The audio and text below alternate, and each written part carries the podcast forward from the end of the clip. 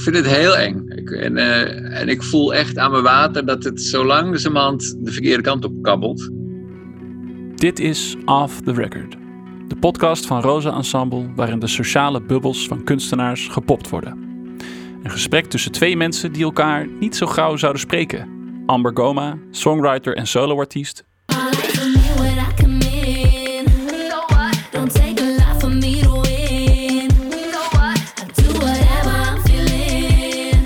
Ze is niet alleen te horen op haar eigen nummers, ze schrijft en zingt mee bij talloze andere artiesten. En Daniel Cross, componist en percussionist. We took care of the wounded. The Russian wounded, I said. You don't understand. Our own wounded. The ones who were too messed up to have a useful life were sent to us. Hij schrijft en speelt experimenteel muziektheater en film en is artistiek leider van het Rosa Ensemble. Ze praten over Order of Frozen Meat, een compositie van Daniel, maar ook over het nut van de CD, de vergetelheid van een generatie en expres een irritant nootje schrijven.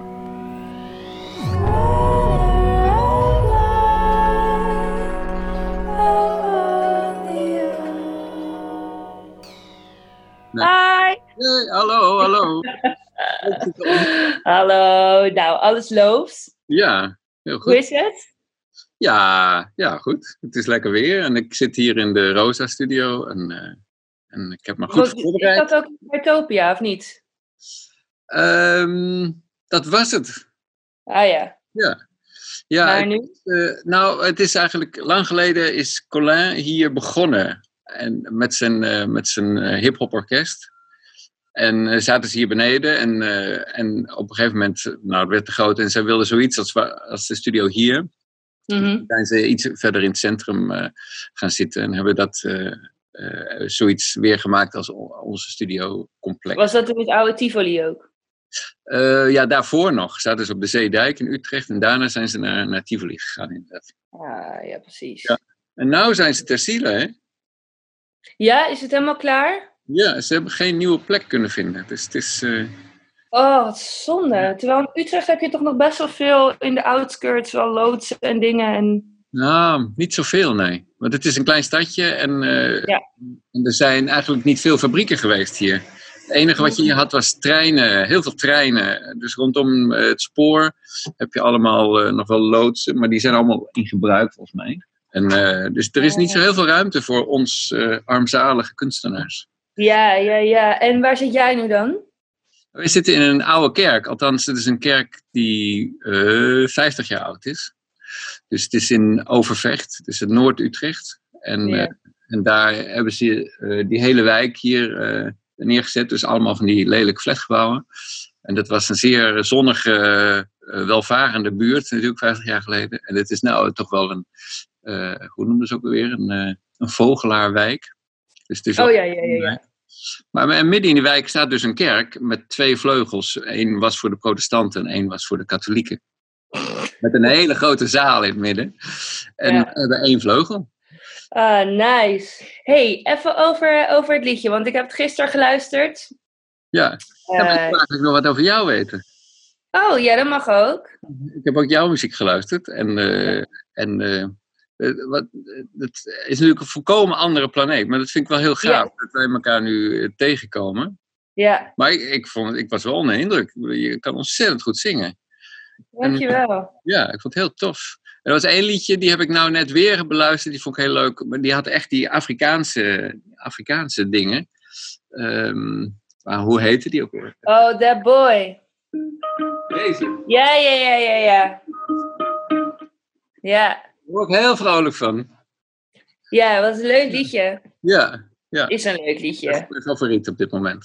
Ja, ik merk dat ik, ze- ik vind gewoon heel veel verschillende dingen leuk. Dus nu ga ik wat meer ehm, ehm, de beat-oriented kant op. In ieder geval qua productie. En sowieso, ik stond natuurlijk heel veel op het podium. En nu ben ik eigenlijk heel veel in de studio. Echt meer aan Ja. het maken.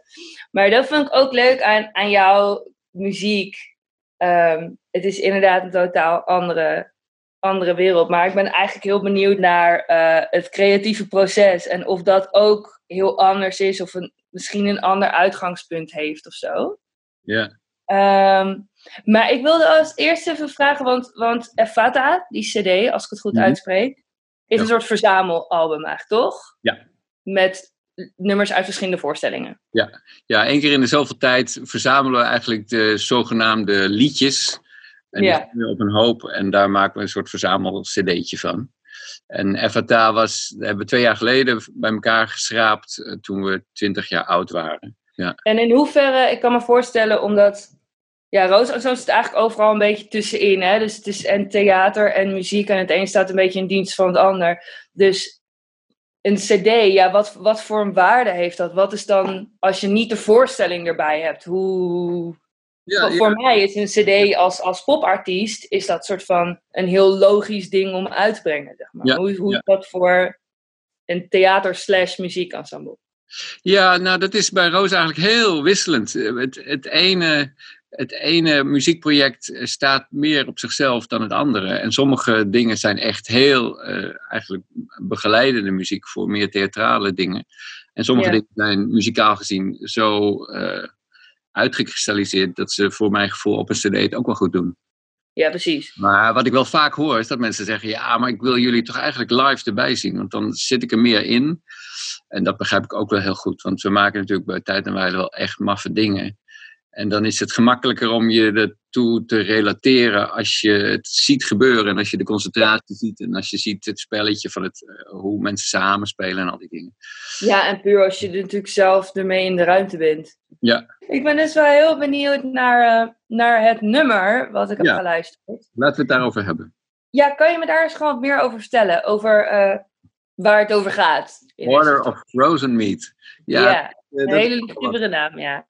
Het, is, ehm, het heeft een hele lange geschiedenis, het liedje. Het is tien jaar oud. Ehm, en tien jaar geleden in waren deze we. vorm al is het tien Hè? jaar oud. In deze vorm is het tien jaar oud, zoals ik. Eh, ja, de muziek wel. De, nou, de tekst, eh, de tekst ook. Maar in eerste instantie heb ik de muziek geschreven voor een voorstelling met Jan-Jaap van der Wal. We Mhm. waren een eh, soort stand-up project aan het doen. En we hadden daarvoor een boek van eh, eh, Simon Vestdijk uit de kast getrokken, De Kelner en de Levenden. En dat is een boek eh, dat gaat over eh, het, eigenlijk het laatste oordeel. En eh, hij heeft het in 46 geschreven, net na de Tweede Wereldoorlog.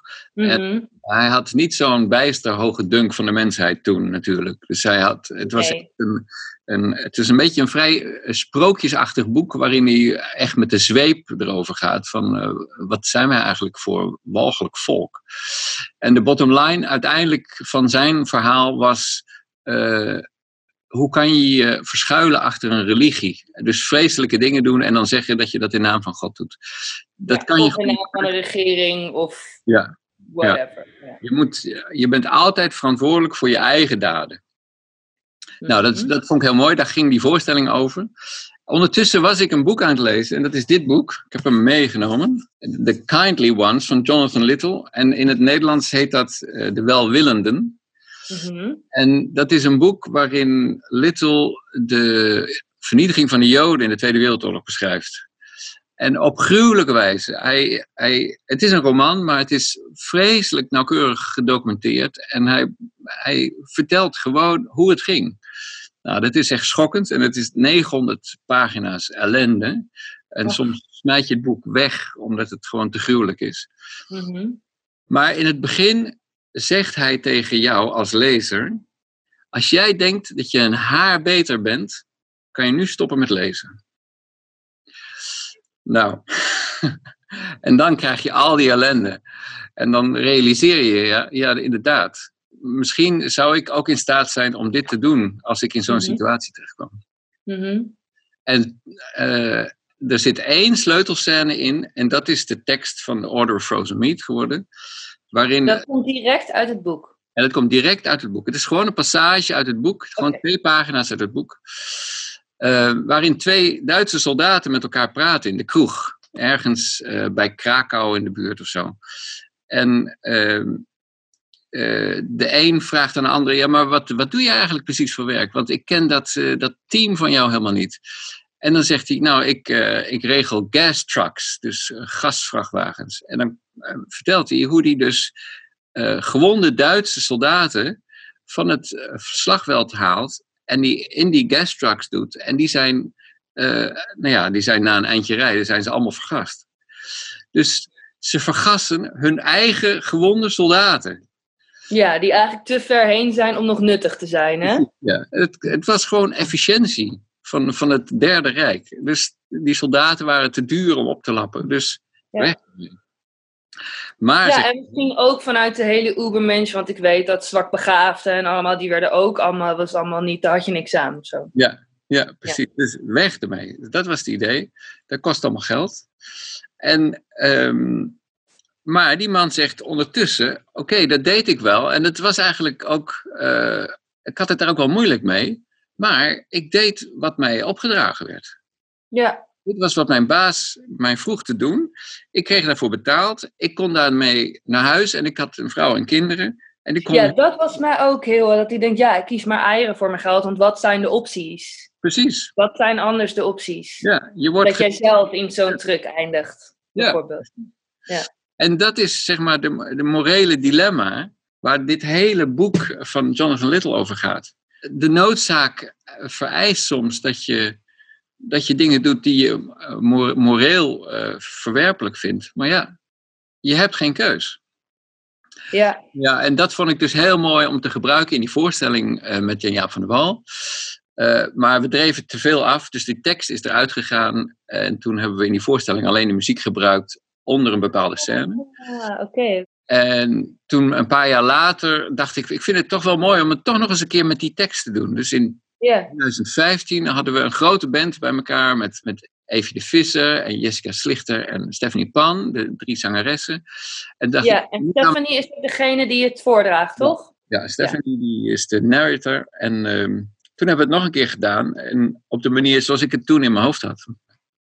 Wat leuk, dus je hebt eigenlijk de muziek op die passage gemaakt. Vervolgens heb je dat losgekoppeld. En in andere voorstellingen dacht je, nee, ik ga het toch weer terugplaatsen onder... Ja, Ah. ja. En het kwam ook wel omdat ik die, die muziek wel mooi vond. Er zit een, eh, het is wel een listig eh, samenspelletje zeg maar, van instrumenten. Die allemaal, eh, iedereen speelt verschillende partijen. In, eh, het is wel allemaal in 11 achtste genoteerd. Maar iedereen speelt eigenlijk verschillende celletjes die, die Mhm. eh, verschillend van lengte zijn. Oké, ja.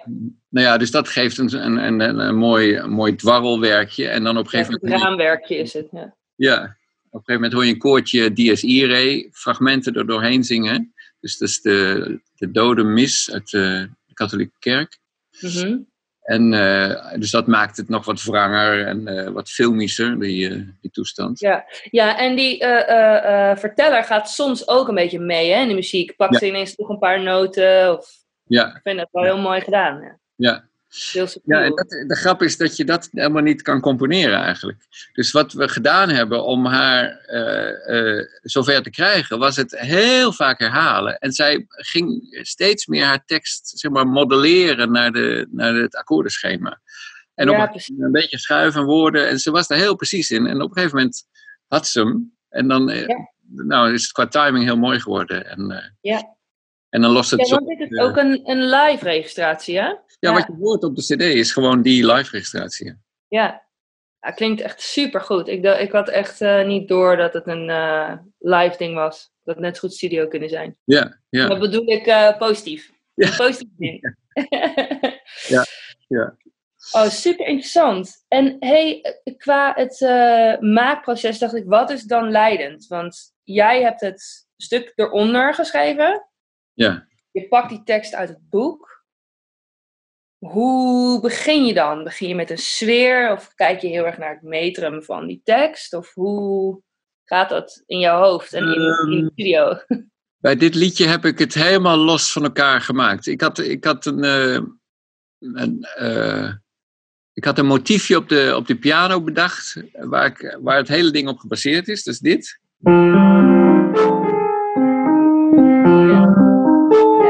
Best wel dissonant ook, want dat betreft past het gewoon heel goed. Heel wrang, ja. Ja, ja dus die, die zitten de hele tijd in je oor te, te klieren, die A en die, die. Ja. En, ehm, nou ja, en, daar, en daar zit een schemaatje op wat heel simpel is. Wat gewoon een, eh, ja, het, eh, Ik weet niet eens wat.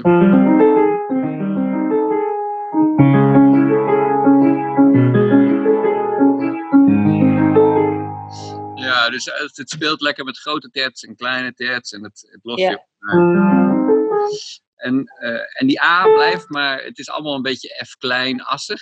En die A die blijft maar zeuren in je hoofd. Mhm. Maar uiteindelijk, en dat is eigenlijk als je helemaal aan het eind naar dat koortje toe gaat, eh, lost het op. Dus dan gaat het naar, naar iets van.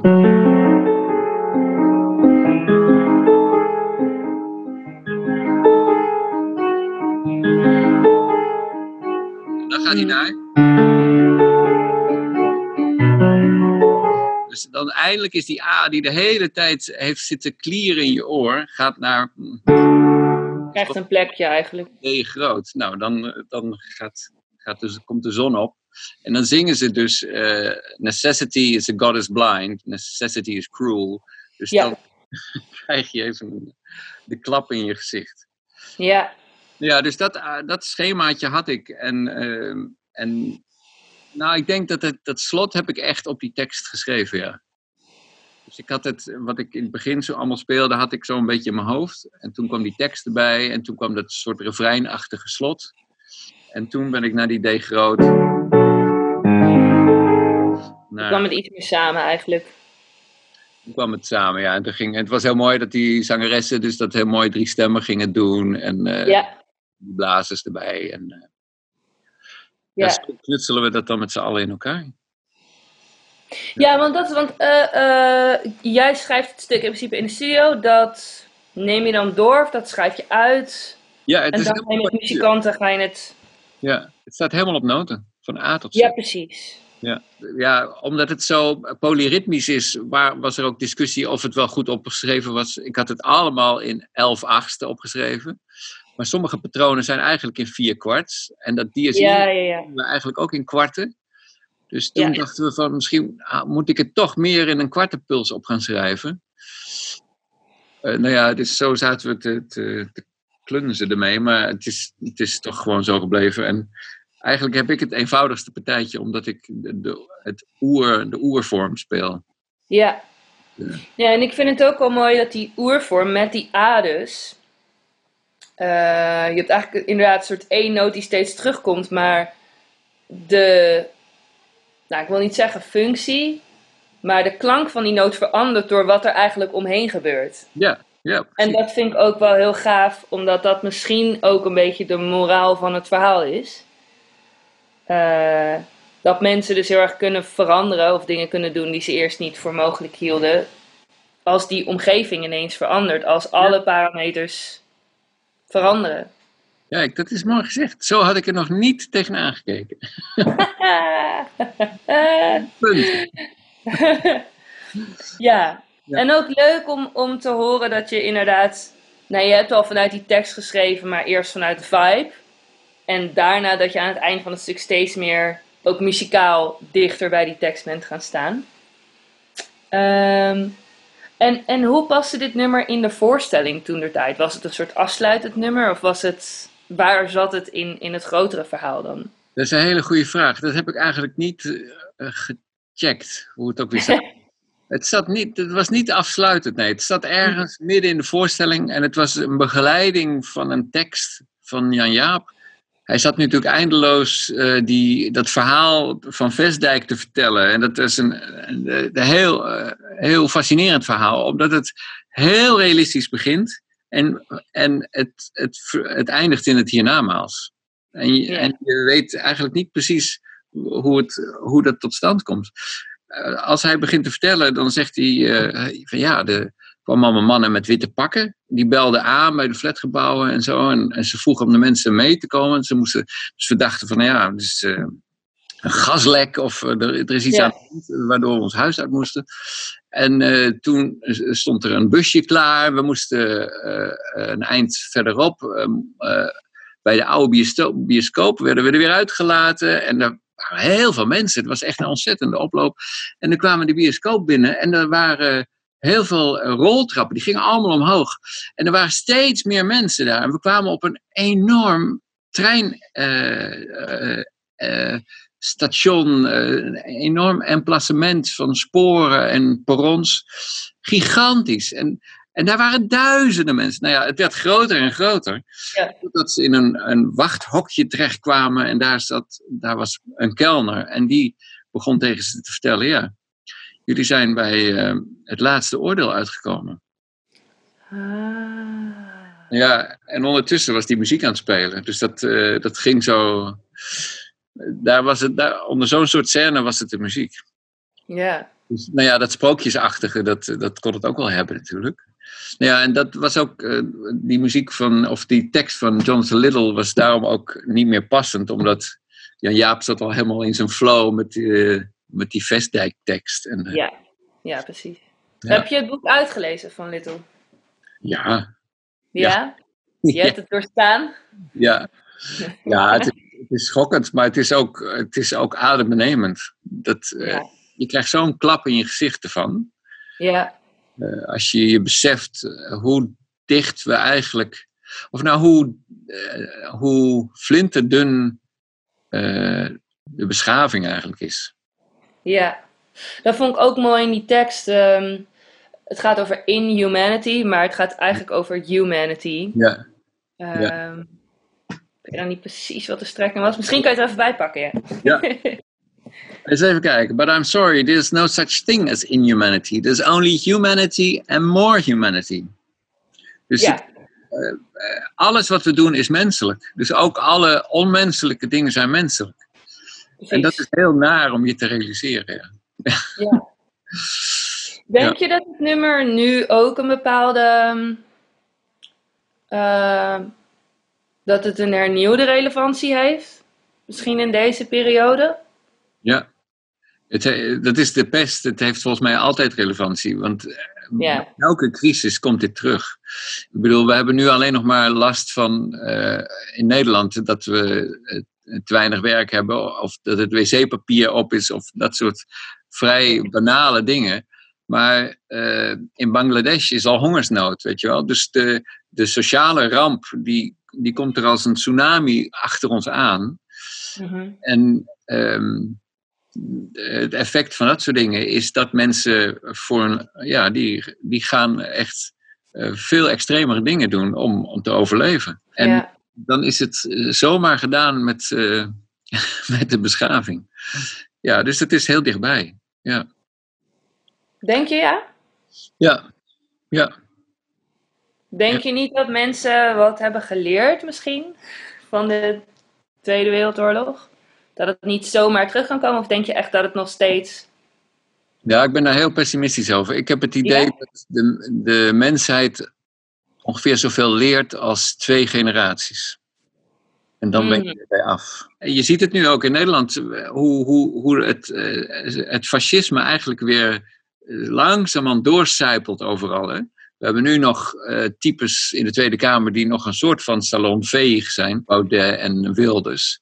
Ja, ja, ja. Maar de volgende stap is dat ze op de achtergrond een knokploegje hebben, weet je wel, die, die ergens eh trammeland gaan maken om, om hun politieke boodschap eh, kracht bij te zetten. Nou, daar zijn we heel dichtbij. En zodra er geweld in het, in het verhaal komt, in hetzelfde verhaal als wat Thierry Baudet nu ver- verkondigt, dan heet het Mhm. fascisme. Gewoon klinkklaar.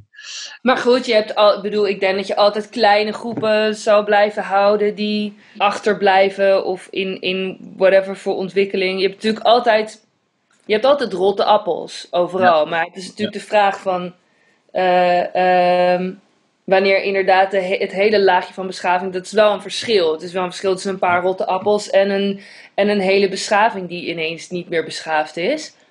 Eh, Ja, maar het gaat geleidelijk. Hè? Het gaat stapje voor stapje. En we hebben het niet in de gaten, omdat we er zelfs ste- steeds onderdeel van uitmaken. Ik bedoel, in de tijd dat, dat, dat Hitler bekend werd, werd hij als een volkomen mafkees weggezet. Hij werd uitgelachen. Het was de gek, de gek in de politiek. ja. En ze hebben gewoon niet in de gaten gehad hoe hij langzamerhand de boel eh, naar zijn hand kon zetten. En ja. dat, is toch een, dat zijn machinaties die je vaak terugziet. Dat het populisme op een, op een wonderlijke manier aan de haal gaat met een hele bevolking. En voor Ja. je zitten we weer in de ellende. Ja, En- dat, dat, dat vind ik eigenlijk interessant. Want ik, ik denk sowieso dat ehm, nu zeker in de, in, de, in de tijd van social media, dat degenen die het hardst schreeuwen, die, die worden het meest gezien. Ja. Eh, misschien dat, dat die groep een beetje wordt overschat qua grootte daardoor. Ehm, en je hebt natuurlijk een, het, het, het grote zwijgende midden. Ik bedoel, ik zal nooit een heel verhaal op Facebook zetten met uitroeptekens en overal op reageren. En ik denk de meeste mensen niet. Die vinden er, eh, ja, dan, ik, ik vind er het mijne van, zeg maar. Ja, ja. Ehm, maar ik ben dan heel benieuwd wat dan het kantelpunt is tussen die, die, die voorhoede, om het even zo te noemen, met de grote mond. En wanneer dat zwijgende midden daar eigenlijk een soort van gewilloos in meegaat. Of, de- of, de- of dat nog een keer echt zo kan gebeuren als, eh, als in Duitsland toen de tijd. Ja, als je, als je kijkt naar de, de. Ik weet niet hoe, hoe het nu staat met de populariteit van eh, Baudet. Maar die, die, die staat af en toe echt heel hoog in de peilingen natuurlijk. Ja, Dat, Klopt. eh, nou, dat vind ik wel schokkend. Dat, Ja. En als je Nou, wat, wat ik ook wel hoor, dat vind ik ook grappig, want volgens mij is hij nu in, eh, in een gemeente in Brabant ergens. Ja, eh, dat, dat ze eh, eh, meebeslissen in de gemeenteraad. ja, en de provincie. Ja, Maar dat ook wel wordt gezegd, eh Thierry Baudet is ook een beetje het, het extreme deel van die, en die zit in Den Haag. Maar als je naar de gemeentefracties kijkt van zo'n partij, valt het eigenlijk heel erg mee. En zitten ze soms ook heel erg in de linkse hoek. ja, ja. Ja, het is. ehm, ja, ik, eh, ik, ik vind het heel eng. Ik, en, eh, en ik voel echt aan mijn water dat het zo langzamerhand de verkeerde kant op kabbelt. En, en dan kom je er toch achter van, oh ja, we zijn 75 jaar verwijderd van die oorlog. Twee En- generaties. En ehm, ja, en we zijn eigenlijk een beetje vergeten hoe erg het was. En we, het enige wat, er, wat eigenlijk helpt, is, is dat we het weer een keer meemaken. Ja, daar hebben we natuurlijk niet zoveel zin in. Nee. Dit- Zo'n crisis als waar we nu in zitten, moeten we echt goed organiseren. Want anders eh, kunnen er nare dingen gebeuren. Ja, want ik heb juist het idee, en misschien zit ik heel erg in mijn eh, soort van eh, Amsterdamse bubbeltje, dat kan ook. Ik heb het idee dat het juist erg mensen bij elkaar brengt, deze crisis op een bepaalde manier. En dat ik zie ook wel hele mooie initiatieven. En ehm, ja, ik ben over het algemeen best wel verrast door hoe mensen elkaar steunen. Ja. ja, dat is nu nog zeker zo. Ja. Maar de vraag is natuurlijk, hoe lang gaat dat nog goed? Hè? Hoe lang blijven mensen elkaar steunen als, als je geen geld meer hebt of weet je, geen werk meer? eh Ja. langzamerhand eh, de, ja, de welvaart echt achteruit gaat. Dan gaat het We zijn natuurlijk een achterlijk rijk land. Hè? We zullen misschien wat minder Ja. rijk worden, maar het zijn natuurlijk geen eh tafereelen als Duitsland jaren 30. Nee, nog niet, nog niet. Maar het is, het echt uitzichtloos was Ja. natuurlijk. Ja. Maar eh, de, als, als het verschil tussen de rijken en de armen maar weer groot genoeg wordt, dan, dan begint de, de ellende weer van vooraf aan. En eh, daar zijn we nog niet, maar dat zou wel kunnen gebeuren. Dus wat dat betreft ben ik wel pessimistisch. Ja, En dan eh, inderdaad zo'n provinciebestuur in Brabant, wat even de, de kunst wegzet als, als eh, vrijwilligerswerk. Nee, wat zeiden ze? Vrije tijdsbesteding, hè? ja. nou ja, dat, ik, ik moet dan denken aan de cultuurkammer, weet je wel, eh, wat de Duitsers hadden. En dat je ontaarde kunst had. En dat de politiek ging besluiten of de kunst die jij maakt geaard of ontaard was. Nou ja, daar zijn we niet zo heel ver meer vandaan. Dat vind ik wel eng hoor. Maar goed, misschien ben ik te pessimistisch. Laten we het hopen. Ik weet het niet. Nou, ik, ik denk wel dat je een, een punt hebt dat de beschaving een flinterdun laagje is. Daar kan ik wel in mee. Maar ik heb wel het idee, of ik hoop, of ik denk, dat naarmate de mensheid vordert, en dat kan je misschien niet in twee generaties zien, maar in tien of in twintig of in honderd, dat we wel steeds beter worden erin. Ja, dat zou kunnen, ja. ja. Er zijn ook van die cijfers bekend dat de, het, de hoeveelheid geweld in de wereld over een periode van 2000 jaar Lager dan ooit. neemt. Hè? En eh, relatief gezien tenminste.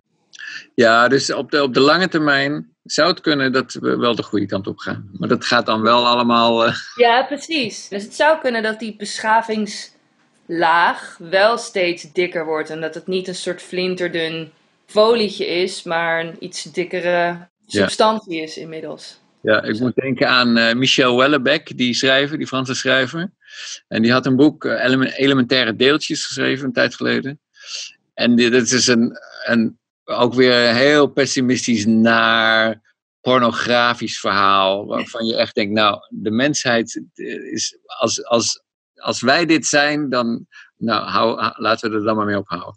En dan komt zijn laatste hoofdstuk en dan beschrijft hij hoe de, de, de hoofdpersoon in het boek uiteindelijk een wetenschappelijke vinding, eh, eh, ontdekking doet en eh, mensen kan klonen. En dan besluit hij een, een, een, een tweede versie van, van de mens te klonen, die gewoon in harmonie met elkaar kan samenleven. Opgelost.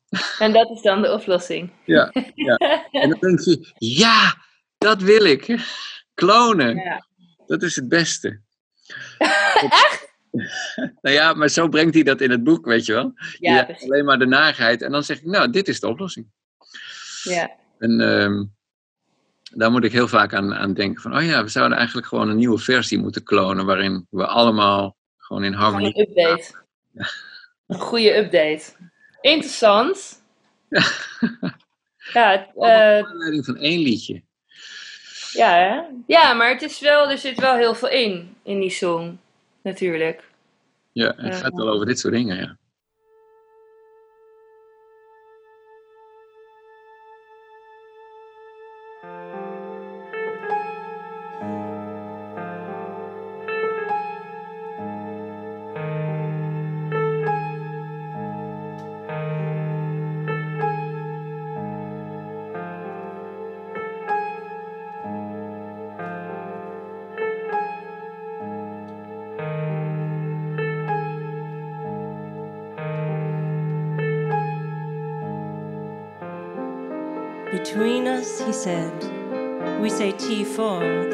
It's called, T4. I was in one of the centers for the sick there.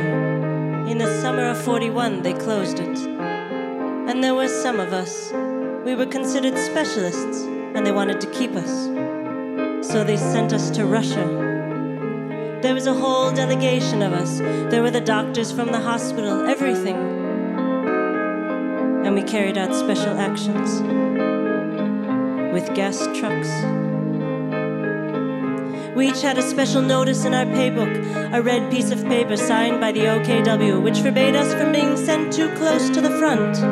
They were afraid we would fall into the hands of the Russians.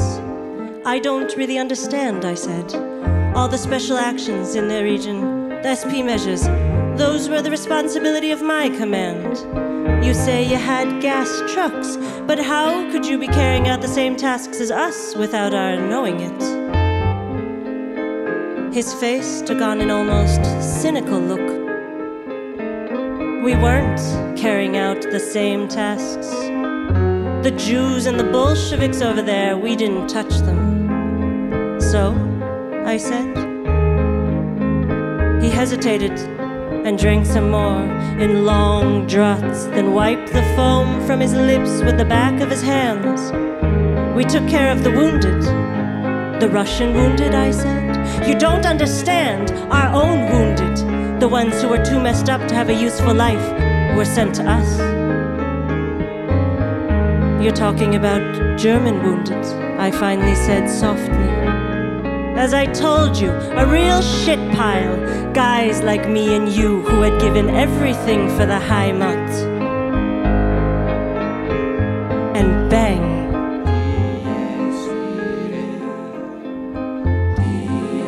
There was a lot of talk after the war and trying to explain what had happened.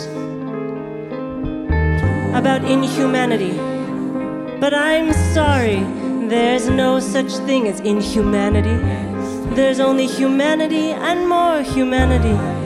What else was he but a good family man who obeyed his government, even though in his innermost being he didn't entirely agree?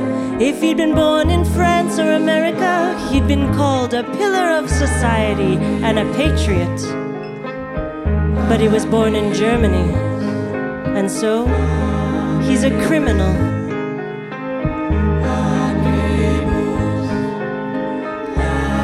On the one hand, he said, it wasn't very pleasant, but on the other, it wasn't the front.